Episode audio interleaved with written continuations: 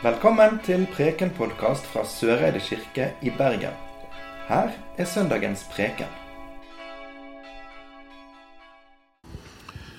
Dette hellige evangeliet står i Matteusevangeliet i det 25. kapittelet.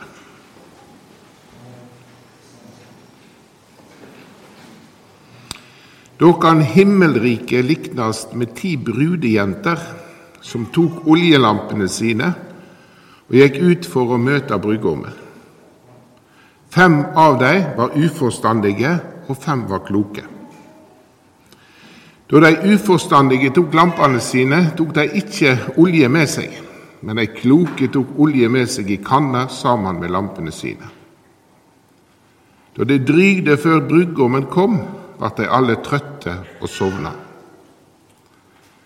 Midt på natta hørtes det et rop 'Brudgommen kjem', gå og møt han. Da våkna alle brudejentene og stelte lampene sine, og de uforstandige sa til de kloke:" Gjev oss litt olje, lampene våre slokner. Nei, svarer de kloke, vi har ikke nok både til oss og dykk. Gå heller til de som sel olje, og kjøp sjølve. Og medan de var borte for å kjøpe, kom brudgommen. De som var ferdige, gikk sammen med han inn i bryllupet, og døra ble stengt. En stund etter kom de andre brudejentene og sa, Herre, lat opp for oss. Men han svarer, Sannelig, jeg sier dykk, jeg kjenner dykk ikke. Så vak da, for de kjenner ikke dagen eller timen. Slik lyder Herrens ord.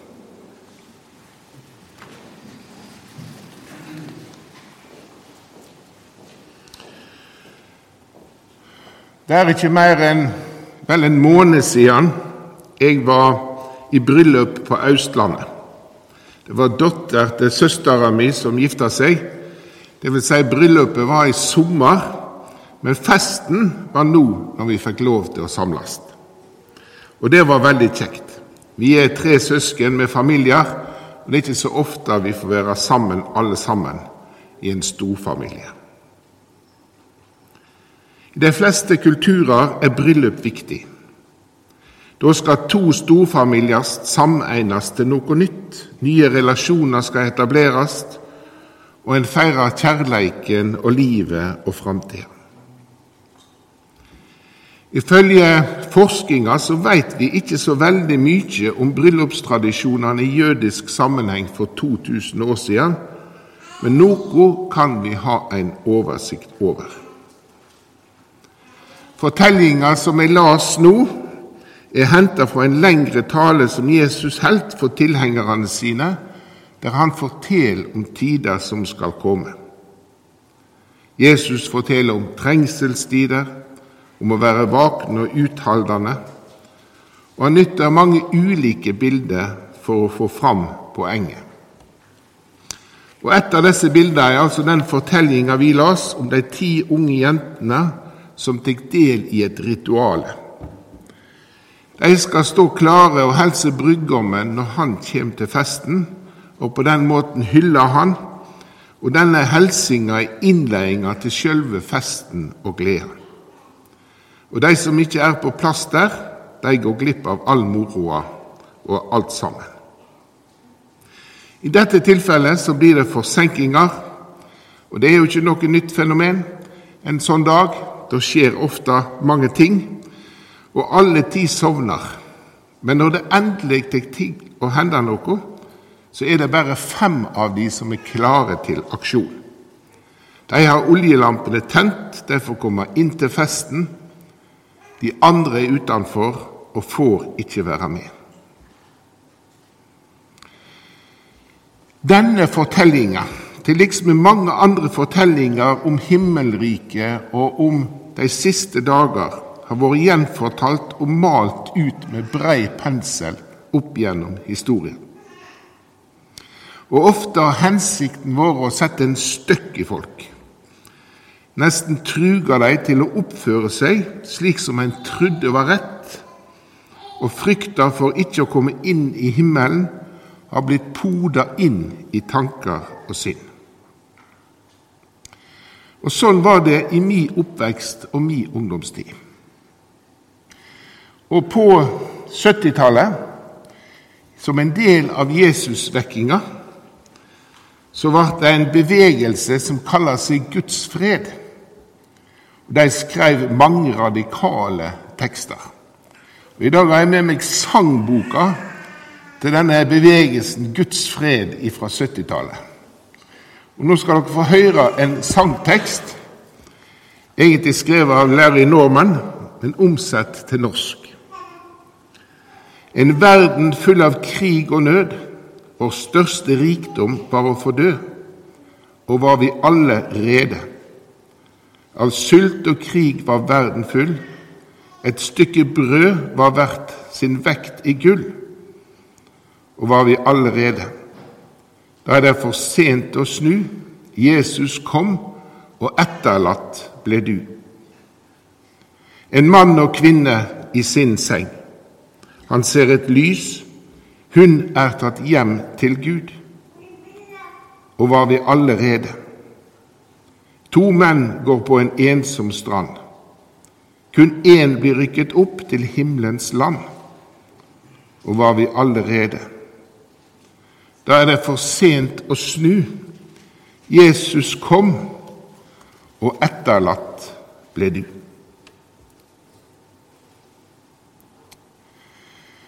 Noen av dere kanskje husker, eller i hvert fall har hørt om, Hallesby sin radiotale i 1953. Det skapte jo et voldsomt rabalder, men handla om mye av det samme. Og jeg har funnet fram den talen til Hallesby. Nå skal jeg sitere akkurat hva han sier i talen sin i 1953. Hvordan kan du som uomvendt legge deg rolig og sove om kvelden? Du som ikke vet om du våkner i din seng om morgenen eller i helvete. Er det sånn vi skal forstå disse fortellingene og disse tekstene fra Bibelen om himmelriket. Jeg husker så godt at dette setter så dype spor i meg. Jeg kjente at jeg var redd. Og når dette ble, denne type forkynning ble kombinert med den kalde krigen, og alle de store atomrakettene i Russland, i Sovjetunionen, så var jeg kjemperedd når jeg vokste opp, når jeg hørte om alt dette. Himmelriket, bryllupsfesten, gleda og håpet. Det ble redsel og frykt for hva som skulle skje når Jesus kom igjen. Og Denne søndagen den blir altså kalla domssøndagen. Og Derfor tenker jeg det er rett å snakke om disse tinga akkurat i dag.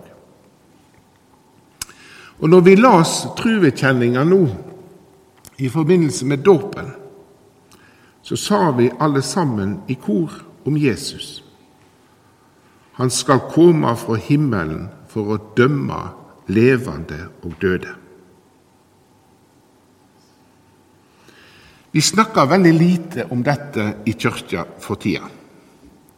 Og jeg tenker dette er på mange måter en motreaksjon mot den voldsomme domsforkynninga og skremselsforkynninga som jeg vokste opp med.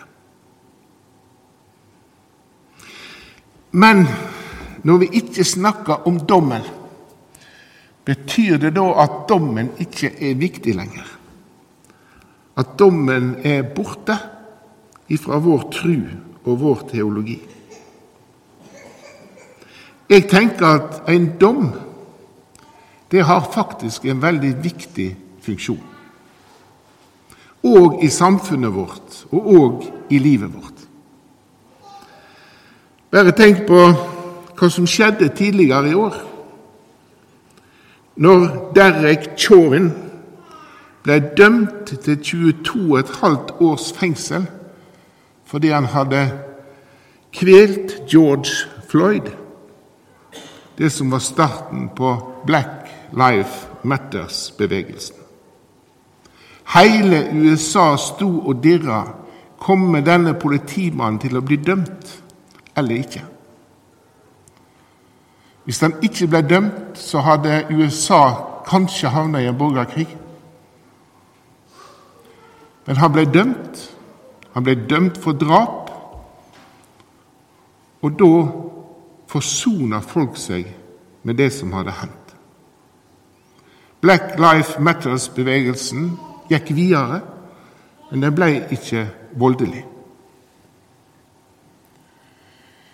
Jeg har òg opplevd som prest på nært hold noen som f.eks. For forårsaka en annen sin død i ei trafikkulykke.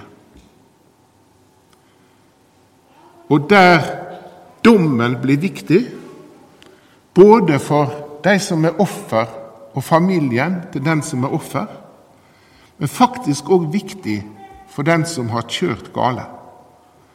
Fordi en får mulighet til å sone for seg og gjøre opp for seg, og på et vis kunne gå videre i livet. En får ikke retta opp det som har skjedd, men en får en dom. En får en mulighet til å si jeg har tatt konsekvensen av mine handlinger i mitt liv. Jeg kan gå videre. Jeg tror dommen er viktig.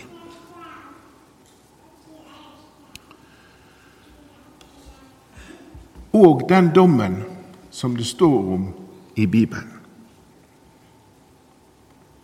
Og kanskje vi ikke lenger går rundt og er redde for den dommen, sånn som vi var tidligere. Vi snakker lite om det, i hvert fall. Men vi kan fremdeles kjenne på frykt. Kanskje ikke for at Jesus skal komme igjen, det er blitt litt fjernt bilde for oss. Men vi har frykt for sykdom, vi har frykt for smitte, vi har frykt for det ukontrollerbare. Så denne kjensla, den er der hele tida. Ingen kjenner dagen og timen. Men hvordan skal vi så forholde oss da til denne dommen som er beskrevet så tydelig i Bibelen? For meg var det et sånt vendepunkt når jeg var på et etterutdanningskurs på Universitetet i Oslo. Og Det var en eldre prest som, og teolog som snakket om disse tekstene. Og Da sa han til oss noe som var veldig viktig. Husk på hvem dommeren er. Husk på hvem det er som skal dømme oss. Det er Jesus. Det er han som så det enkelte mennesket som ikke fikk livet sitt til. Han som så den som svikta, og den som gjorde feil. Og så møtte han dem med åpne armer og med kjærlighet. Og gang på gang sa han til menneskene han møtte, syndene dine er tilgjevne. Det er en slik dommer vi venter på. Og så lever vi våre liv etter beste evne, og jeg tror mange av oss kjenner på de gangene vi ikke strekker til. Men vi venter altså på en dom. Men en dom som frikjenner oss fordi en annen har sona syndene for meg. Da Jesus døde på krossen, da bar han våre synder. Ikke for å oppheve det vonde i verden, ikke for å fjerne alt det vanskelige, men for å sone for det. Og dette er vanskelig å forstå, og enda vanskeligere å ta til seg. Fordi vi lever i et samfunn der vi gang på gang blir minnet på at det er fullt og helt ditt eget ansvar at livet blir som det blir. Du er din egen lykkes med i det samfunnet vi lever i nå. Og gang på gang så trenger vi hjelpe hverandre til å se hvem dommeren er. Dommeren som frikjenner oss fordi det er en annen som har sona syndene våre. En dommer som omfavner oss med sin kjærlighet. Og når vi feirer gudstjeneste her i kirka, eller når vi døyper et barn, så er det jo dette som ligger under hele veien. Når jeg skulle innleie dåpen til Mari, så ba jeg ei bønn for vannet. Barmhjertige Gud, vi takker deg for at dåpens vann med ditt ord er nådens kilde, der du tilgir oss vår synd, frelser oss fra dødens makt og gir oss et løfte om det evige liv. Og som vi sier i innledningsorda, de små barna, det er de som hører Guds rike til. Og Det er et uttrykk for denne nåden, for denne frikjenninga i, i dommen. Og så får vi komme her, dele nattverden sammen, ta imot brød og vin til soning for alle våre synder. Og her får vi komme på nytt og på nytt og fornye håpet og trua på den kjærleikens Gud som møter oss. Ikke med skremsel og frykt, men med kjærleik, tryggleik og glede. På 90-tallet var jeg på ferie i Israel. Og Da hadde staten Israel trang for utenlandsk valuta. Og Derfor solgte de noen arkeologiske funn som de hadde veldig mange av. Og mens jeg var der, så fikk jeg altså kjøpt en oljelampe som er datert med sertifikat og alt til Jesu tid. Sånn så oljelampen ut. Det er ikke store greiene. Det var en liten veike her, og så hadde de en liten skvett olje oppi. Og En regna at brenntida for en sånn oljelampe var ca. 15 minutter før de måtte fylle på mer olje. Og Når Jesus bruker dette bildet i denne fortellinga om disse ti brurejentene, så er det ikke for å fortelle oss at bare du har en stor kanne olje med deg, så er du berga for resten av livet. Nei, denne lampen er så liten at det handler om at vi må komme på nytt og på nytt og få ta imot den nåden som Gud rekker ut til oss. Hver dag må vi be til Gud og legge livet vårt i Hans hender, så kan Han komme til oss med sin nåde og hjelpe oss til å holde fast på trua på at Han som sitter med dommen, han frikjenner oss fordi Jesus har sona syndene våre. Ære være Faderen og Sønnen og Den hellige ande, som var, er og være skal, en sann Gud fra evig og til evig. Amen. Du har nå hørt Preken-podkast fra Søreide kirke i Bergen. Følg oss gjerne på Facebook og Instagram, eller gå inn på vår nettside kirken.no soreide. Takk for at du hørte på.